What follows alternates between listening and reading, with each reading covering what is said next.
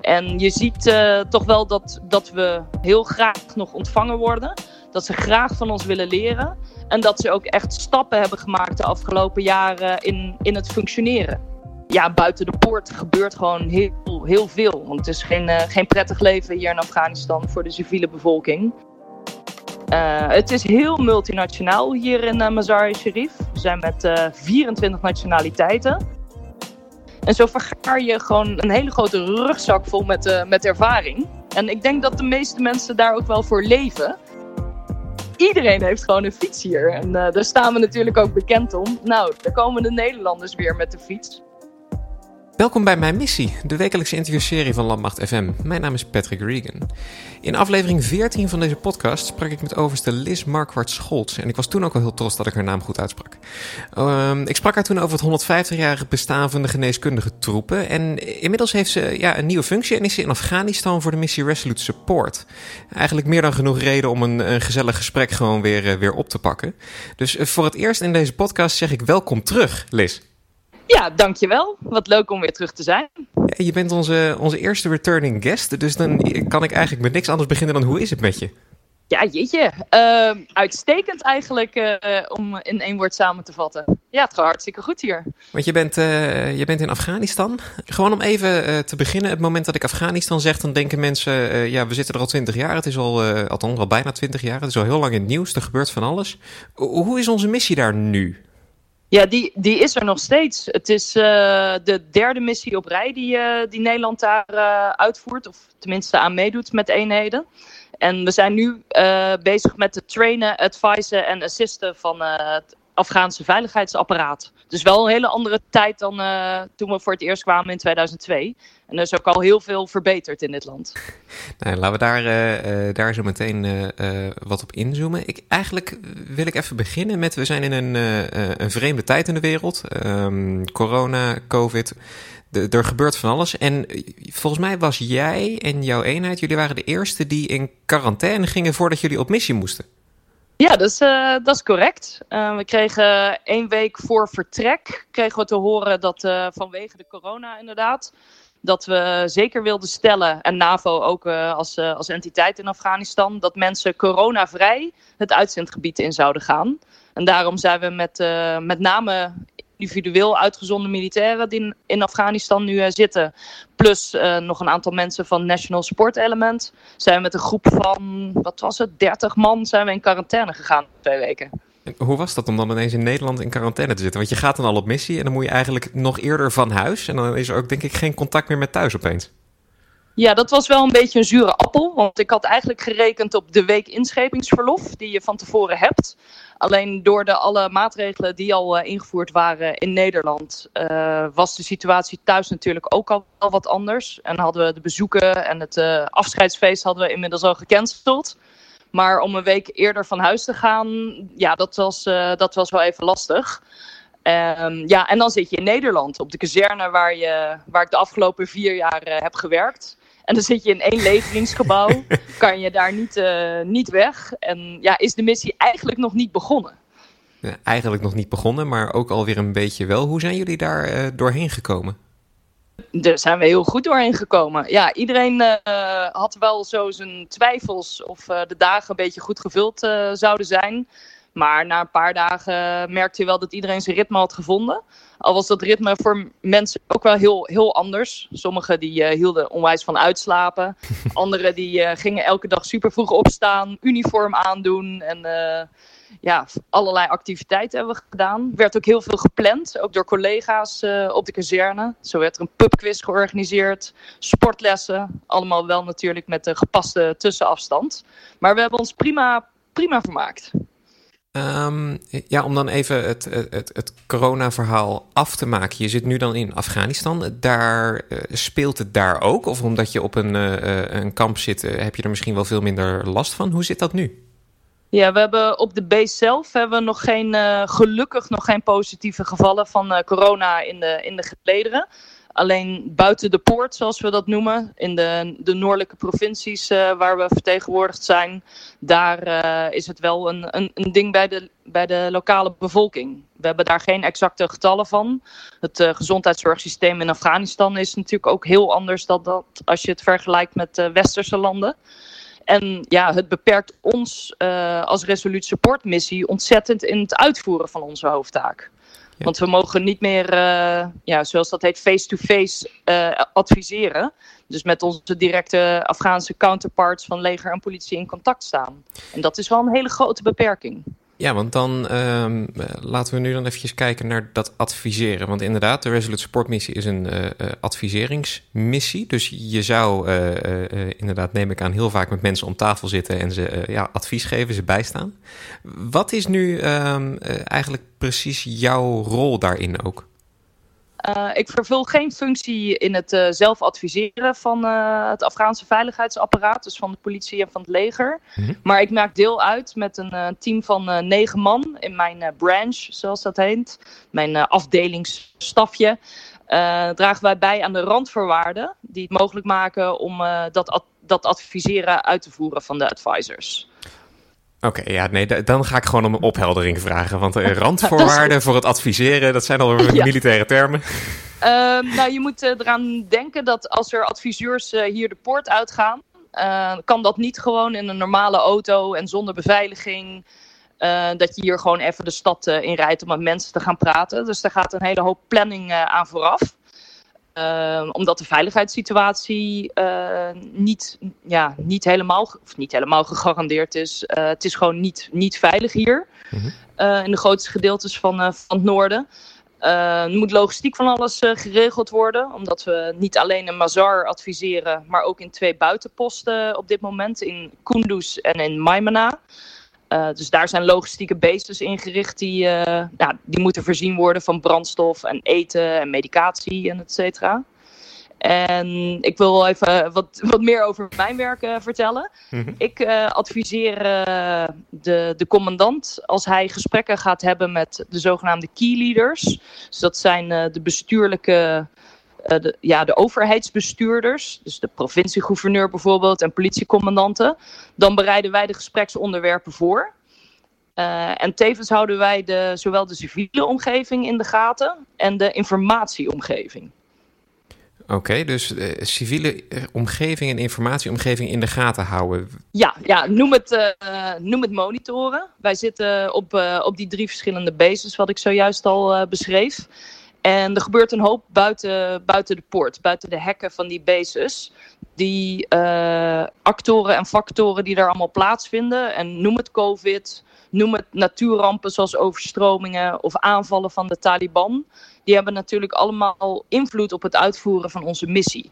Dus we houden onder andere uh, de media in de gaten. Van wat verschijnt er allemaal op uh, nationale media, social media. En wij krijgen ook heel veel informatie van alle hulpverleningsorganisaties die hier uh, al jaren bezig zijn. Dus we hebben eigenlijk een, een groep mensen uh, vanuit Nederland die uh, zorgt ervoor, of althans die adviseert het Afghaanse veiligheidsapparaat. En jij zorgt er in de breedste zin van het woord voor dat zij hun werk kunnen doen, of jouw team. Ja, en ik dan in een specialistisch vakgebied. En daarnaast zijn er nog een aantal Nederlanders die bijvoorbeeld als force protection dienen voor de advisors als ze de poort uitgaan de zogenaamde Guardian Angels. Die zorgen voor de veiligheid. Uh, we hebben een chirurgisch team hier rondlopen in het ziekenhuis. Het ziekenhuis op de base. Dus we zijn uh, van alle markten thuis als Nederland. Om het eventjes over die, uh, die base te hebben. Je noemde het net al de Dutch Mountain. Uh, als wij als Nederlanders ergens naartoe gaan, dan geeft het ook gelijk een gezellig naampje. Kamp Holland, Dutch Mountain. Ja, ja. Ja, nou, het voelt ook echt wel een beetje als, uh, als thuis. Ja, dat klinkt een beetje raar misschien uh, voor in Nederland. Maar ik ga echt elke dag ga ik naar mijn werk. En dat is wel een voordeel dat het hoofdkwartier zit ongeveer een kilometer van de Dutch Mountain, het Nederlandse kamp. En dan ga ik uh, een hele dag werken. En dan kom ik aan het eind van de dag, nou, lees 7, 8 uur s avonds, kom ik weer een keer terug. En dan kan je ook lekker ontspannen op, op Dutch Mountain. Want Oké, okay, dat, dat hoofdkwartier waar je dan werkt, hoe ziet dat er dan uit? Um, dat zijn zeg maar aan elkaar geschakelde containers die lange gangen vormen. Uh, en je doet er dan een dakje, dakje op. dat zijn dan shelters. En daar hebben we een heel, heel aantal van, met vergaderzalen, met kantoortjes waar één of twee mensen werken. Maar je kan ook een aantal containers aan elkaar schakelen. Dus we hebben allerlei werkruimtes. Dus daar vindt met name het, het planningswerk plaats voor, voor ja, waar we de randvoorwaarden creëren in de breedste zin van het woord. Om uiteindelijk die advisors hun werk buiten de poort te kunnen laten doen. Dus een hoofdkwartier is er, is er eigenlijk altijd in de missie. Krijg jij een beetje een, een beeld van die advisors die dan uh, uh, die gesprekken voeren en wat ze dan naar buiten doen, hoe dat ja, ontvangen wordt en of we nog steeds een bijdrage kunnen leveren in, in Afghanistan op die manier? Ja, ja, ik heb zelf in mijn, uh, mijn branch heb ik ook twee uh, adviseurs. Dat zijn uh, zogenaamde hybride adviseurs. Die hebben dus zowel een staffunctie op het hoofdkwartier als op een bepaald vakgebied een, een adviseur, adviseurfunctie bij, bij de legerkorpsen van het Afghaanse leger. Um, en die gaan ja, nu dus niet meer, maar die gingen wekelijks de poort uit om met hun Afghaanse counterpart te praten. En je ziet uh, toch wel dat, dat we uh, heel graag nog ontvangen worden. Dat ze graag van ons willen leren. En dat ze ook echt stappen hebben gemaakt de afgelopen jaren in, in het functioneren. Ja, want dat laatste, daar ben ik dan wel benieuwd naar. Die stappen die ze gemaakt hebben, is het dan nu een ander niveau waarop we ze adviseren? Of uh, is het meer diepgang waarin we uh, dingen bijbrengen? Ja, nou, dat zijn eigenlijk uh, de drie stappen in het trainen, advisen en assisten. Uh, trainen is echt aan de hand meenemen uh, en lesgeven. En assisten, dat doe je eigenlijk al een stapje terug en laat je het zelf doen. En adviseren, dat is dan de laatste fase waar we nu eindelijk uh, in balans zijn na al die jaren.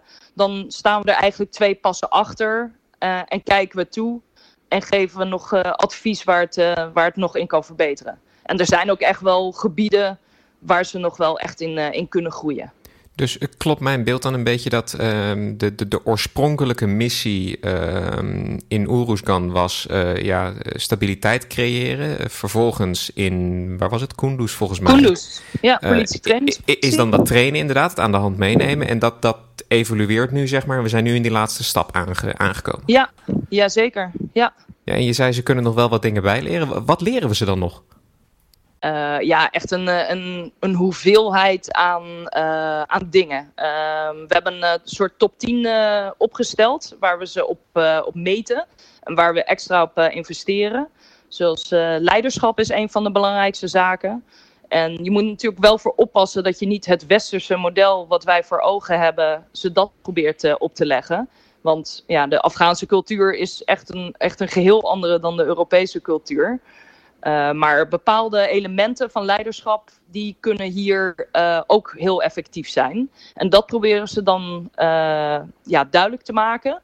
Dat dat uiteindelijk in hun voordeel werkt als ze bepaalde facetten overnemen. Maar ook heel simpel op het gebied van bevoorrading. Het opbouwen van bijvoorbeeld voedselvoorraden.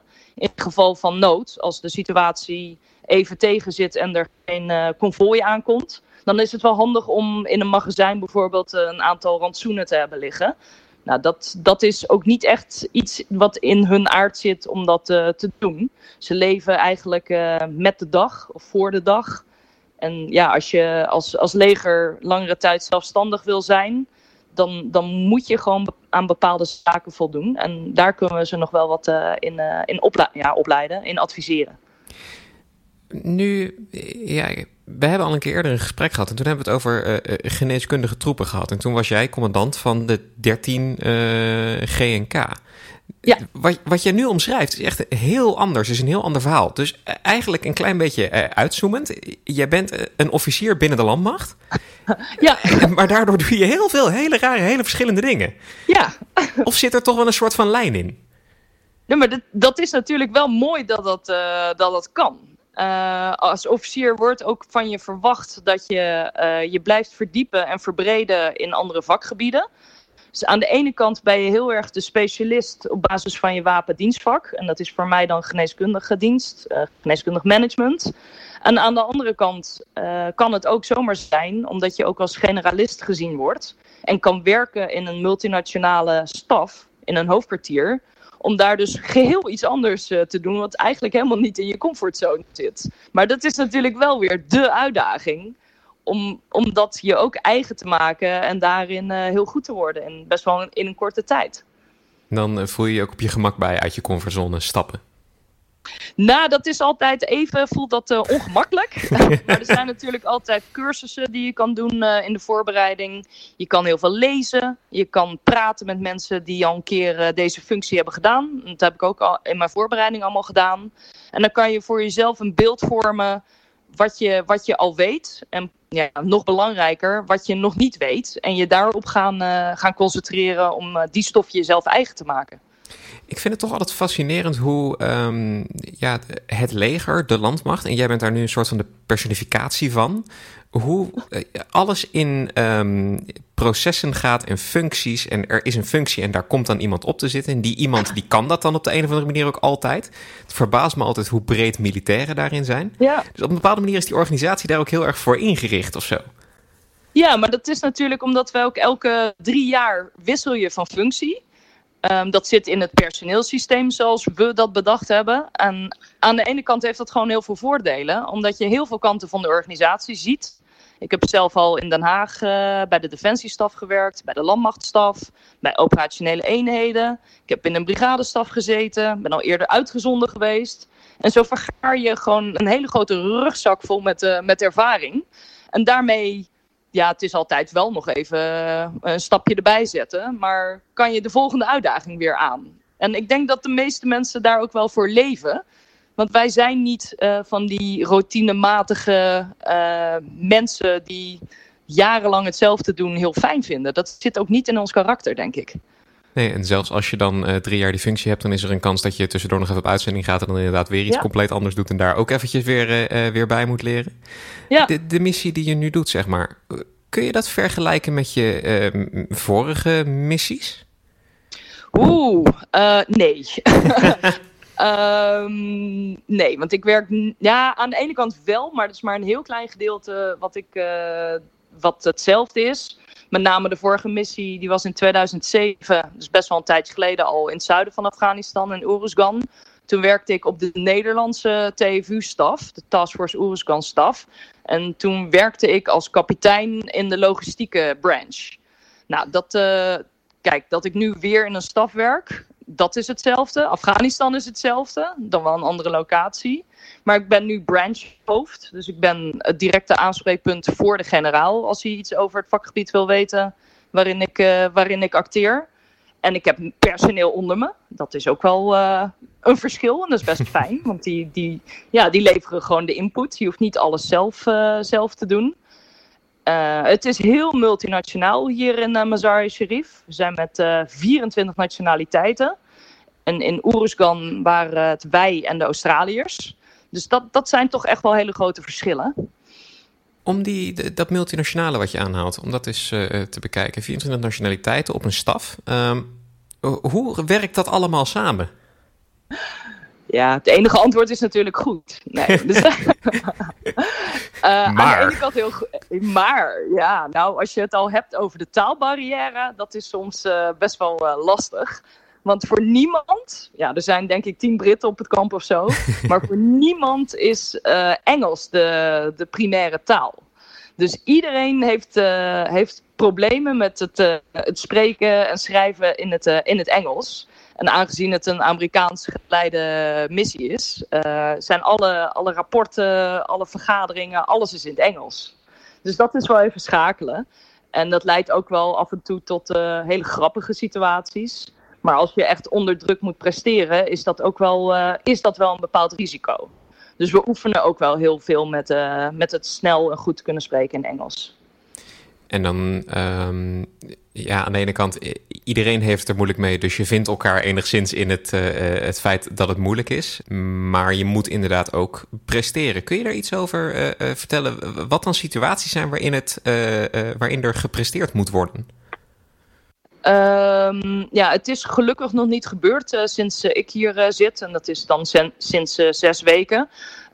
maar als er een aanslag plaatsvindt op coalitietroepen, dus op mensen van de Resolute Support Missie, of zoals twee jaar geleden is bijvoorbeeld de Duitse ambassade in Mazar aangevallen. En dan hebben wij een bepaalde rol in het ja, zo snel mogelijk hier op het kamp halen van die mensen. En als ze verwondingen hebben, want er zijn volgens mij best wel wat lui bij overleden om ze geneeskundig te verzorgen, ja, dan, dan staat er wel wat, wat druk op. Maar in mijn normale dagelijkse werk hier, um, ja, alleen de tijdslijnen voor presentaties uh, die je moet halen of wanneer stukken moeten worden ingeleverd. Maar dat ervaar ik niet als heel, heel lastig. Nu heb ik uh, 2,5 jaar op een, een staf in Duitsland gewerkt. En een staf is inderdaad leven van presentatie 1 naar vergadering 2, ja. dat, dat verhaal. Is het dan nog wel leuk? Of ja, op een gegeven moment dan ben je ook wel klaar met al die presentaties en al die vergaderingen? Ja, dat is ook een beetje het lot van de stafofficier, om het zo maar eens even uit te drukken. Um, en zeker als branch head. Ik heb ze nog niet geteld, maar ik heb er zeker nou, minimaal vier per dag, vier vergaderingen. En die zijn niet altijd even uh, effectief voor mijn vakgebied. Soms heb je maar van een vergadering van een uur twee minuten uh, iets effectiefs wat je meeneemt voor je eigen branch en daar weer verder uitzet. Dus, maar ja, iemand, iemand moet het doen. En ja, vergaderen om het vergaderen, dat gevoel heb ik niet dat dat hier gebeurt. Het zijn allemaal wel uh, vergaderingen die ergens over gaan. Het is tenslotte ook geen oefening. Het is een echte operatie die we hier uitvoeren. Maar er wordt wel veel, uh, veel gepraat. En misschien is dat ook wel voorbehouden aan een staf. Veel praten, coördineren, afstemmen, deconflicteren. Ja, je, je, je uh, eigenlijk die laatste zin omschrijft alles. Om gewoon een klein beetje uit te zoomen op, op zo'n staf. Want je zegt er wordt veel gepraat. Um, dat moet ook, want uiteindelijk is het de staf die alles aanstuurt. Dus de staf is de plek waar alle informatie binnenkomt. Ja. En waar dan besluiten genomen moeten worden over hoe we weer verder gaan. Ja, en dat is dus waarom onze commandant, dat is degene die de besluiten neemt, uh, Duitse generaal, uh, generaal Breuts, die moet uh, door zijn staf helemaal goed in de wedstrijd gezet worden. En dat, uh, ja, wij noemen dat situational awareness en situational understanding. Dat hij helemaal up-to-date is met de, de meest current, meest recente situatie. Uh, de, hij moet de positieve en negatieve effecten weten van besluiten die hij neemt. Zodat hij uiteindelijk de keuze kan maken. En daar heb je inderdaad een staf voor nodig die eigenlijk al dat voorwerk uh, doet. Want in je eentje, als generaal, als eenheidscommandant, ik heb dat natuurlijk zelf ook wel uh, ervaren in Oorschot. Je kan dat allemaal niet bijlezen, bijhouden. En uh, dat is gewoon veel te veel. Er gaan veel te veel zaken hier door. En er komt ook elke dag echt. Dus een informatieoverload, dat mag enige naam hebben, rapporten. Als je alles wil lezen, dan kan je gewoon de hele dag jezelf te buiten gaan. Maar dat is natuurlijk niet de bedoeling, want we moeten wel even die punten eruit halen die actueel zijn en, uh, en noodzakelijk. Want we hebben allemaal, uh, uh, ja, we kennen de verhalen van beroemde generaals en krijgsheren die uh, grote operaties leiden. Ja. Maar dat zijn eigenlijk mensen die aan het hoofd staan van een organisatie waar mensen zoals jij in zitten, die de juiste informatie geven. En als ze geen goede mensen om zich heen hebben, ja, dan neem je toch de verkeerde besluiten. Hey, um, missie in Afghanistan zoals we hem nu hebben. Ik ben heel benieuwd. Eh, het is kleiner. Het is um, dan wat we zeg maar in Oeruzkan uh, hadden. Um, het is, uh, ja, moet ik het nou, een hoger niveau zeggen misschien? Het zijn officieren. Het is advies op stafniveau. Nou, dat valt wel mee hoor. De adviseurs zijn door alle rangen en gelederen heen. Dus dat, het is niet officier zwaarder dan, dan voorheen. Naast het, het, het werkende bestaan, zeg maar. Hoe ziet je leven er daaruit? Daarbuiten. Ja. Die paar, die paar is er iets buiten? Uren. ja, je hebt een gesprek met mij en dan. Uh, nou, als ik een heel klein beetje een, uh, een, een, dag uh, zal schetsen. Eh, ik sta om kwart over zes sta ik op. En dan ga ik ontbijten samen met een aantal vaste collega's. Een fijn ontbijtclubje. Dus dan gaan we op de fiets van Dutch Mountain naar de eetzaal. Gaan we ontbijten, dan gaan we aan het werk. Het werk begint dus zo rond kwart over zeven. En meestal ronden we de dag af in het hoofdkwartier rond een uur of zeven, acht s avonds. En dan hebben we gelukkig al tussendoor de, de avondmaaltijd uh, gehad. Mm -hmm. En daarna ga je terug naar, uh, naar Dutch Mountain. Uh, en daar kan je eigenlijk zelf ja, kiezen wat je, wat je gaat doen. Ga je lekker ontspannen in je eigen containertje? Ga je nog even sporten? Er wordt van alles georganiseerd. Uh, lees barbecues, bingo's, pubquiz. Je hoeft je in ieder geval uh, niet te vervelen. dus er is genoeg uh, ruimte in ieder geval voor ontspanning. Soms moet je even de tijd, tijd zoeken. Dus ja, dat is goed te doen. Ik vind het een, een prima balans. We werken vijf hele dagen en twee halve dagen. Want ehm, we hebben vrijdag en zondag beginnen we om 12 uur. Dus dan zou je kunnen uitslapen of even wat, wat kunnen sporten in de ochtend als het nog niet zo heel warm is. Mhm. Want het begint nou toch wel uh, toe te nemen in, uh, in de temperatuur. En ja, dat, uh, dat moeten we dan zes maanden volhouden hier. Dus je hebt nog wel um, in je week, je hebt geen vrije dagen, maar je hebt in ieder geval dagen die een beetje de week opbreken, zeg maar. Ja, ja het is wel, wel grappig, want het voelt af en toe alsof donderdagavond uh, het, het weekend begint. Terwijl dat dan nog uh, vrijdag werk een halve dag, zaterdag weer een hele dag en zondag weer een halve dag. Maar het heeft wel een soort van mentaal effect dat je dat niet de ene dag zomaar overgaat in de andere. En dat er geen onderbrekingen zijn. Het is wel een prettig, uh, prettig ritme zo aan het einde van de week. Ik vind overigens de, de, het mooiste en wat ik altijd zal herinneren aan het antwoord wat je me net gaf, uh, het fijne dat uh, de Nederlanders toch op de fiets van de Dutch Mountain naar het hoofdkwartier gaan. ja, iedereen, iedereen heeft gewoon een fiets hier. En uh, daar staan we natuurlijk ook bekend om. Nou, daar komen de Nederlanders weer met de fiets. Maar we wonen ook het verste van de eetzaal. Dus wat dat betreft, ik vind ook echt wel dat we er recht op hebben. Ik vraag me dan toch af hoe die fietsen daar gekomen zijn ingevlogen. Wij, wij Nederlanders dachten dus we nemen gewoon een fiets mee. Nou, je wil niet weten wat hier allemaal is. Dat wordt nog wat als het hier ooit leeggekruid moet worden. Nou, ge geef, geef eens een bloemlezing dan, dan ben ik heel benieuwd. Wat hier allemaal is? Ja.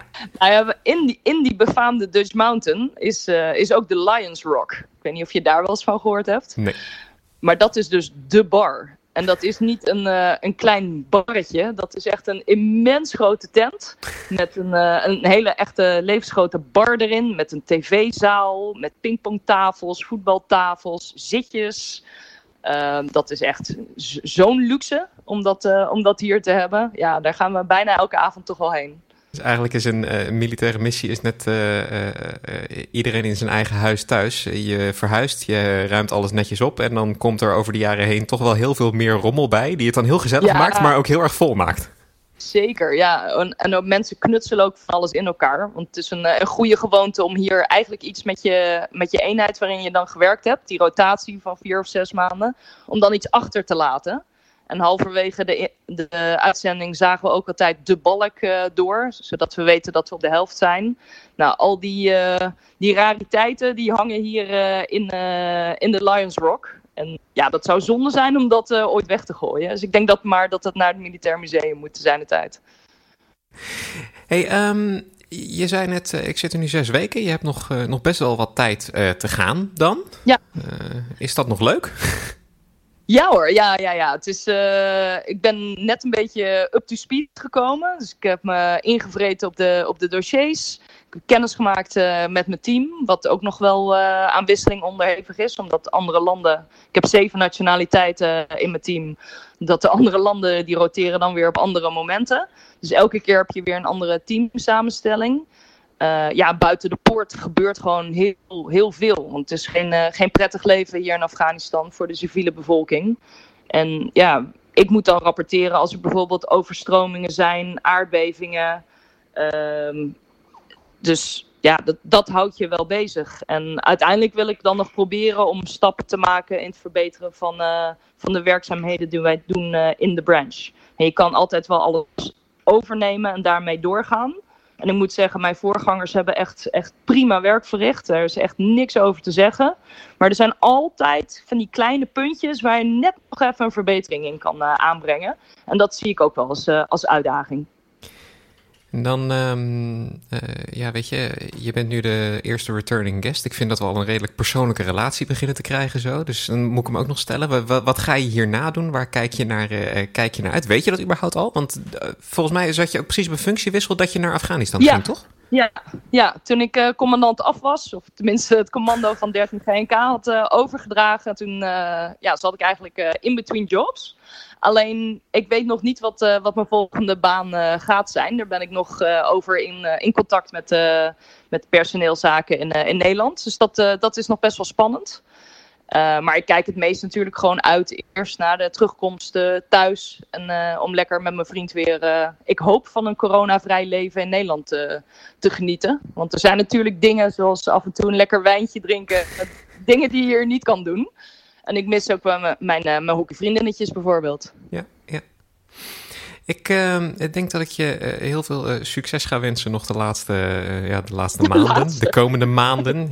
ik weet, be, die moet ik toch nog stellen. Ga je nou aftellen of ben je gewoon lekker van dag tot dag aan het leven?